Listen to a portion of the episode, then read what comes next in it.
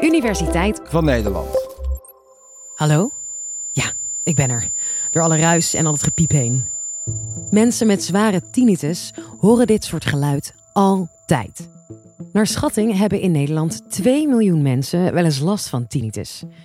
Eén daarvan is elektrotechnisch ingenieur Wouter Sardijn van de Technische Universiteit Delft. Ik heb zelf heb ik een hele lichte vorm van tinnitus. Die uh, lijkt een beetje op een stationair draaiende wasmachine. En zo op het moment dat hij op het punt staat om te gaan centrifugeren hoor. Hmm, hmm, hmm. Nou ja, dat is mijn tinnitus. Ongeveer 1 op de 10 mensen kent het uh, fenomeen tinnitus wel. Uh, sowieso kennen meer mensen kennen het fenomeen als ze naar een discotheek toe gaan en de muziek stond een beetje luid en dan lopen ze s'avonds lopen ze terug en hebben ze een piep in hun oren. En als het goed is gaat de piep dan de volgende ochtend gaat weer over, is weg. Uh, bij sommige mensen blijft die. Het is, uh, het is uh, bijzonder pijnlijk en beïnvloedt beïnvloed daarmee dus de kwaliteit van leven van die mensen. Normaal gesproken ga je met tinnitus naar de keel, neus en oorarts, waar je te horen krijgt dat er geen behandeling is. Voor Wouter is dat niet acceptabel. Hij is dan wel geen medicus, maar toch zoekt hij naar een oplossing. Door technologie in te zetten. Zo'n oplossing is hard nodig, want tinnitus drijft mensen letterlijk tot waanzin. Ja, ik, uh, ik ken een, iemand die werkte bij de vrijwillige brandweer. Uh, die, ja, bij de brandweer zijn het allemaal uh, sterke mensen, zijn het. want ja, ze moeten onder moeilijke omstandigheden moeten ze werken. dit was ook een duidelijk gezond en gespierd iemand. Maar hij had op oudejaarsavond had hij dienst. Uh, en hij ging even de cabine van de brandweerwagen ging die inspecteren. En toen uh, dacht een collega van hem van ik haal even een geintje uit. En die gooide een rotje in de cabine. En dat rotje dat ging af net toen hij de deur dicht uh, of, had getrokken. En aan de linkerkant werd hij doof. Dan zou je zeggen dat is erg. Nee, maar nog erger was dat aan de rechterkant van zijn hoofd. Dus de rechteroor ontwikkelde hij dus tinnitus. En die tinnitus was zo luid dat hij ja, kon nog maar twee uur per nacht kon hij slapen. En dan werd hij van dat schreeuwende geluid, werd hij gewoon weer, werd hij weer wakker. Het was een wrak. Je kon zien dat hij nog steeds gespierd was. Maar mentaal was hij gewoon een wrak. Een vreselijk verhaal. Tinnitus is dus niet zomaar een irritante piep na een avondje stappen. Het kan leiden tot heftige psychische problemen. Angst, stress, woede, concentratieproblemen en ga zo maar door. En die piep die jij hoort, die klinkt alleen in jouw hoofd. Je hersenen verzinnen het geluid. Hoe kan dat? Ja, tinnitus is, uh, wordt ook wel oorsuizen genoemd. Uh, in het Engels is het ringing in the ears. Uh, strikt genomen in de meeste gevallen. Er zijn eigenlijk twee soorten tinnitus. De eentje dit heet de, de objectieve tinnitus en de andere is de subjectieve tinnitus. Objectieve tinnitus kan bijvoorbeeld veroorzaakt worden doordat er iets in je middenoor, bijvoorbeeld een gehoorbeentje, door een bloedvat heen en weer geduwd wordt. En dat kan je dus, als je heel goed luistert, kan je dat ook aan de buitenkant van het oor kan je dat horen. Dus uh, dat, daarmee is het dus zeg maar objectief, want iemand anders kan het ook horen. In de meeste gevallen is echter tinnitus is wat men subjectieve tinnitus noemt. En is het iets wat zeg maar bedacht wordt door de hersenen. Mensen die tinnitus hebben, hebben vaak een hele luide piep. Of het kan ook een waterval zijn, of gesis of gebrom. Er zijn diverse zeg maar, factoren die, die ook nog invloed kunnen uitoefenen op de tinnitus. Maar als je echt zware tinnitus hebt, dan, ja, dan helpt eigenlijk gewoon helemaal niets. Tenminste, tot nu toe niets waarvan we kunnen zeggen van... u moet dat nou eens een keer even proberen. En dat terwijl 10 tot 15 procent van de volwassen wereldbevolking last heeft van tinnitus. Dat gaat om honderden miljoenen mensen. Wouter is daarom betrokken bij wereldwijd onderzoek. Een van de dingen die hij doet is het verzamelen van ervaringen en tips van mensen met tinnitus. Er zijn veel mensen die zeggen van, nou ja, in deze situatie is de tinnitus net even wat erger. Of het viel me op toen ik in het vliegtuig zat dat ik eigenlijk wat minder last van tinnitus had. En dat is dan waarschijnlijk een gevolg van bijvoorbeeld eh, de drukverschillen die optreden als je in een vliegtuig zit. Nou, drukverschillen zouden dus zeg maar ja, het is nou niet dat ik iedereen zeg maar een drukkamer zou willen aanraden of een drukcabine thuis. Maar het is wel interessant om te kijken van wat dan die relatie daarmee is.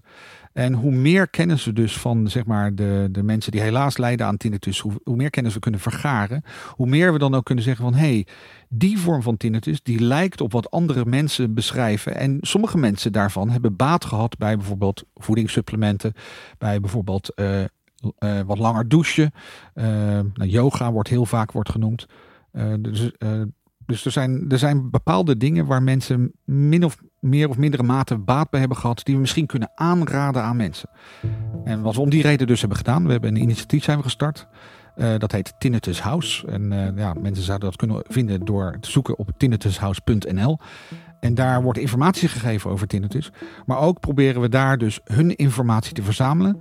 En dan krijgen ze via ons zogenaamde recommender systeem, krijgen ze, uit, krijgen ze op een gegeven moment krijgen ze een e-mail. Uh, waarin dan op basis van hun profiel een advies wordt gegeven. Die, die is gebaseerd op wat het meeste overeenkomt met wat voor andere mensen mogelijk zou kunnen helpen. Hun input gebruiken om in, gericht in bepaalde richtingen te gaan zoeken. Ja, totdat we het hebben. Het is een begin. Maar tinnitus echt genezen zit er nog niet in. Maar ja, we hebben het ook nog helemaal niet over technologie gehad. Wouters vakgebied. Hij werkt aan een klein apparaatje dat met elektrische signalen tinnitus moet gaan verhelpen.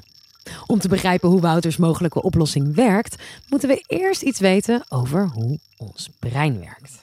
Uh, onze hersenen zijn eigenlijk één grote weerwar van neuronen. Neuronen zijn eigenlijk de, de kleinste, ja, zeg maar, rekeneenheidjes in onze hersenen. We hebben er 90 miljard hebben er in ons hoofd zitten. En de neuronen zijn eigenlijk een soort verzamelpunten. Want ze, ze, ze verzamelen informatie van naburige neuronen. Ze verwerken die en geven dan een uitgangssignaal wat ze weer delen met andere neuronen. Neuronen hebben ongeveer tussen de 1000 en de 10.000 verbindingen met andere neuronen. En dat betekent dat ze dus een heleboel inputs krijgen. En ook weer inputs geven aan een heleboel andere neuronen. En dat is eigenlijk zeg maar één groot rekennetwerk. Niet zo gek dat in dat enorme netwerk wel eens iets fout gaat. Tinnitus is in de meeste gevallen is het zeg maar een, eh, een herstructurering of eigenlijk een beetje een, een, een rommelig geordende gehoorschors. Het gedeelte van de hersenen waarmee je uh, geluid waarneemt. Uh, en de hersenen gaan als gevolg daarvan gaan ze het geluid eigenlijk gaan ze verzinnen. Allereerst is het heel erg belangrijk om ons te realiseren dat er dus niet één tinnitus neuron is of zo. Het is heel moeilijk om echt precies zeg maar aan te wijzen van ja oké daar gaat het fout. Het is meestal is, wij noemen dat dan een netwerkfenomeen. Het is eigenlijk zeg maar een groep neuronen die met elkaar staan te kwebbelen op een, op een manier die, die niet zeg maar de meest natuurlijke manier is. Ik vergelijk het wel eens, ken je het nummer Killing in the Name of? Als mensen zeg maar staan, te, staan op en neer staan te springen op dat veld, nou ja, dat is eigenlijk een beetje wat die neuronen aan het doen zijn. Er komt dus geen informatie komt er meer doorheen. Uh, uh, het is, ja, en het is ook bijzonder moeilijk om daar vat op te krijgen. En dat in de gehoorschors manifesteert zich dat al als tinnitus. Het is zo'n rommeltje dat je hersenen zelf maar bedenken wat je zou moeten horen. Een piep dus, of een ruis, of een truck die door je hoofd dendert. Waardoor dat rommeltje ontstaat, weten we niet. Het kan zijn door een oorontsteking of bijvoorbeeld door een harde vuurwerkknal, net zoals bij die brandweerman. Die moshpit van neuronen wil Wouter weer op orde brengen. Neuronen die, die kan je meer of minder actief maken door middel van elektriciteit. Dat doen ze namelijk zelf ook. Het is wonderbaarlijk hoe elektrisch wij eigenlijk zijn. Uh, had ik als elektrotechnisch ingenieur vroeger niet gedacht. En wij proberen door middel van elektrische stimulatie de hersenen eigenlijk te motiveren om een iets, ja, iets gunstigere organisatie aan te nemen. En uh, eigenlijk de, de, de, de, de neuronen op een iets andere manier met elkaar te herverbinden zodanig dat het fenomeen tinnitus wordt onderdrukt of in ieder geval wordt uh, verminderd.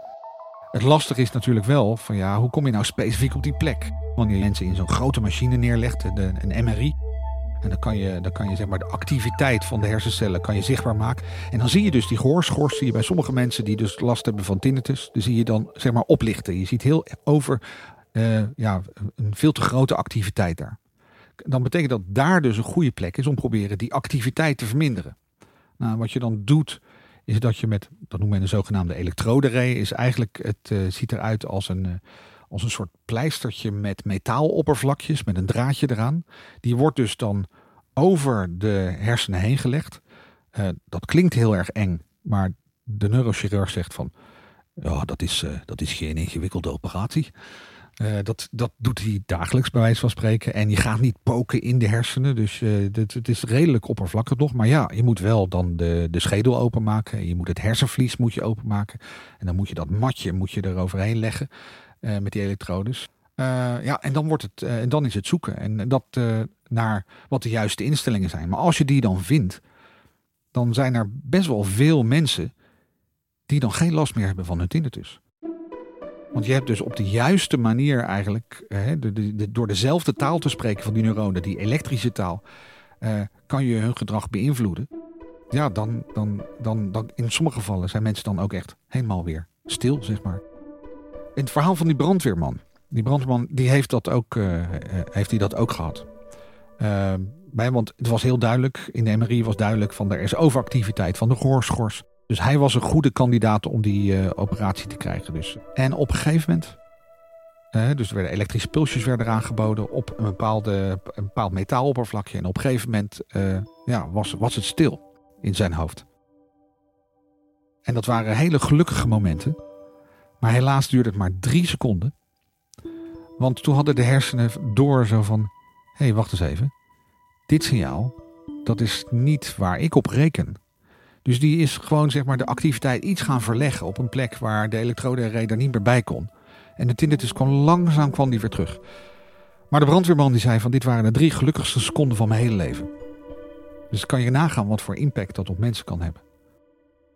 Wow. Stel je voor dat dat voor iedereen kan werken. En dan vooral kan blijven werken. Het liefst zonder operatie. Het is nu nog onvoorstelbaar. Mensen zoals onze brandweerman durven er misschien niet eens meer op te hopen. Toch is dit waar Wouter naartoe werkt. Wij proberen een niet-invasieve methode te ontwikkelen. Dus een oplossing die geen op operatie vereist. Die uh, eigenlijk gebruik maakt van het feit dat bepaalde zenuwen... dat die ook lopen naar bepaalde delen van de hersenen... die een belangrijke rol spelen bij tinnitus. Uh, de hersenstam is er daar eentje van. En er zijn best wel zenuwen die zeg maar als een soort uh, tussenstop... doen ze de hersenstam aan. Dus je kan proberen gebruik te maken van zenuwen die wat meer aan de oppervlakte van ons lichaam naar boven komen. In of om je oor kan dat zitten. Er zijn meerdere zenuwen die eigenlijk uh, aan, zeg maar, wat meer aan de buitenkant van ons lichaam zitten. Die wel een, een brug kunnen maken naar, naar de hersenen toe. Als je die op de juiste manier stimuleert en dat koppelt, dat is dus moeilijker dan op de gehoorschors zelf, maar het bijvoorbeeld koppelt aan geluid of aan andere, andere stimuli die je ook van buitenaf kan toedienen, kan je hopelijk een genuanceerde zeg maar, input geven naar dus die gehoorschors toe. Zodat je inderdaad dus die gewenste terugorganisatie krijgt van die, uh, van die hersencellen. We zijn best wel ver met, uh, met het realiseren van de daarvoor benodigde elektronica. Ik ben elektronicus, ik ben geen arts. Uh, dus het zou best kunnen zijn dat ik nu dingen verkeerd heb gezegd als het de biologie of de neurologie betreft. maar ik weet wel hoe ik elektronica moet maken. En op het moment dat het nodig is om op de precies de juiste manier elektrische pulsen te maken, die op de juiste manier worden aangeboden en gekoppeld worden aan geluid en andere stimuli, ja, dan kan ik dat wel. En, uh, dus uh, dat, ja, dat probeer ik nu momenteel met een, uh, met een ontwerpteam probeer ik dat voor elkaar te krijgen. En ik hoop dat we vrij snel, dat we zeg maar in de tinnitus kliniek het kunnen, kunnen proberen. Natuurlijk onder, onder goed toeziend oog van de, de experts op tinnitus. En hopelijk dat het patiënt helpt. Ja, en uh, stel dat het werkt, oké, dan moeten we de volgende stap natuurlijk maken. Dan, dan moeten we het proberen op te schalen en moeten we, uh, ja, moeten we proberen dat iets te maken wat voor iedereen toegankelijk wordt. Maar goed, dat, uh, dat moet eerst bewezen worden dat het, dat het goed is. En hoe zou dat apparaat er dan uitzien? Een soort koptelefoon met draden en antennes? Of meer formaatje gehoorapparaat? Mijn taak als technoloog is eigenlijk om de technologie zodanig te maken dat hij uh, dat hij doelmatig is, dat hij doet wat hij moet doen. Dat hij ook acceptabel is voor de mensen die het dragen. Stel je voor dat de oplossing bestaat uit dat, je, dat iedereen moet een MRI meenemen op reis. Hè, om, uh, nou ja, dat is niet te doen. Dat is een gigantisch groot apparaat. Dus het moet, moet draagbaar zijn. Uh, bij voorkeur cosmetisch acceptabel zijn. In de vorm van een bril zou fantastisch zijn. Uh, zelfs mensen die geen bril op hoeven hebben, vinden het meestal geen probleem om een zonnebril te dragen. Dus dat is een, zeg maar een, een hulpmiddel wat cosmetisch geaccepteerd is. Dus ja, daar, daar, daar moeten we goed ook naar kijken. Dat het acceptabele technologie is. Dus dat, dat het werkt, maar ook dat, het, dat, je, dat je er gewoon, dat je weer gewoon bent. Dat je weer gezond voelt. Het onderzoek is in volle gang mogen we al voorzichtig hopen op een genezing van tinnitus. Ik hoop het. Ik hoop, ik hoop dat het kan, dat we de symptomen weg kunnen nemen. Uh, ik zou bijna zeggen van als wij het niet kunnen, En dan bedoel ik wij, in, niet alleen de mensen in Delft. Dan bedoel ik ook dus zeg maar het hele team van onderzoekers dat wereldwijd zeg maar, eh, aan, de, aan het voorfront van uh, tinnitus werkt. Als wij niet kunnen, ja, wie zou het dan wel kunnen? Dankjewel Wouter voor het vertellen over jouw passie en onderzoek. Wij houden het in de gaten. En tot die tijd zet je volume dus niet te hard. Dan knalt de wetenschap maar iets achter in je oren. Tot de volgende.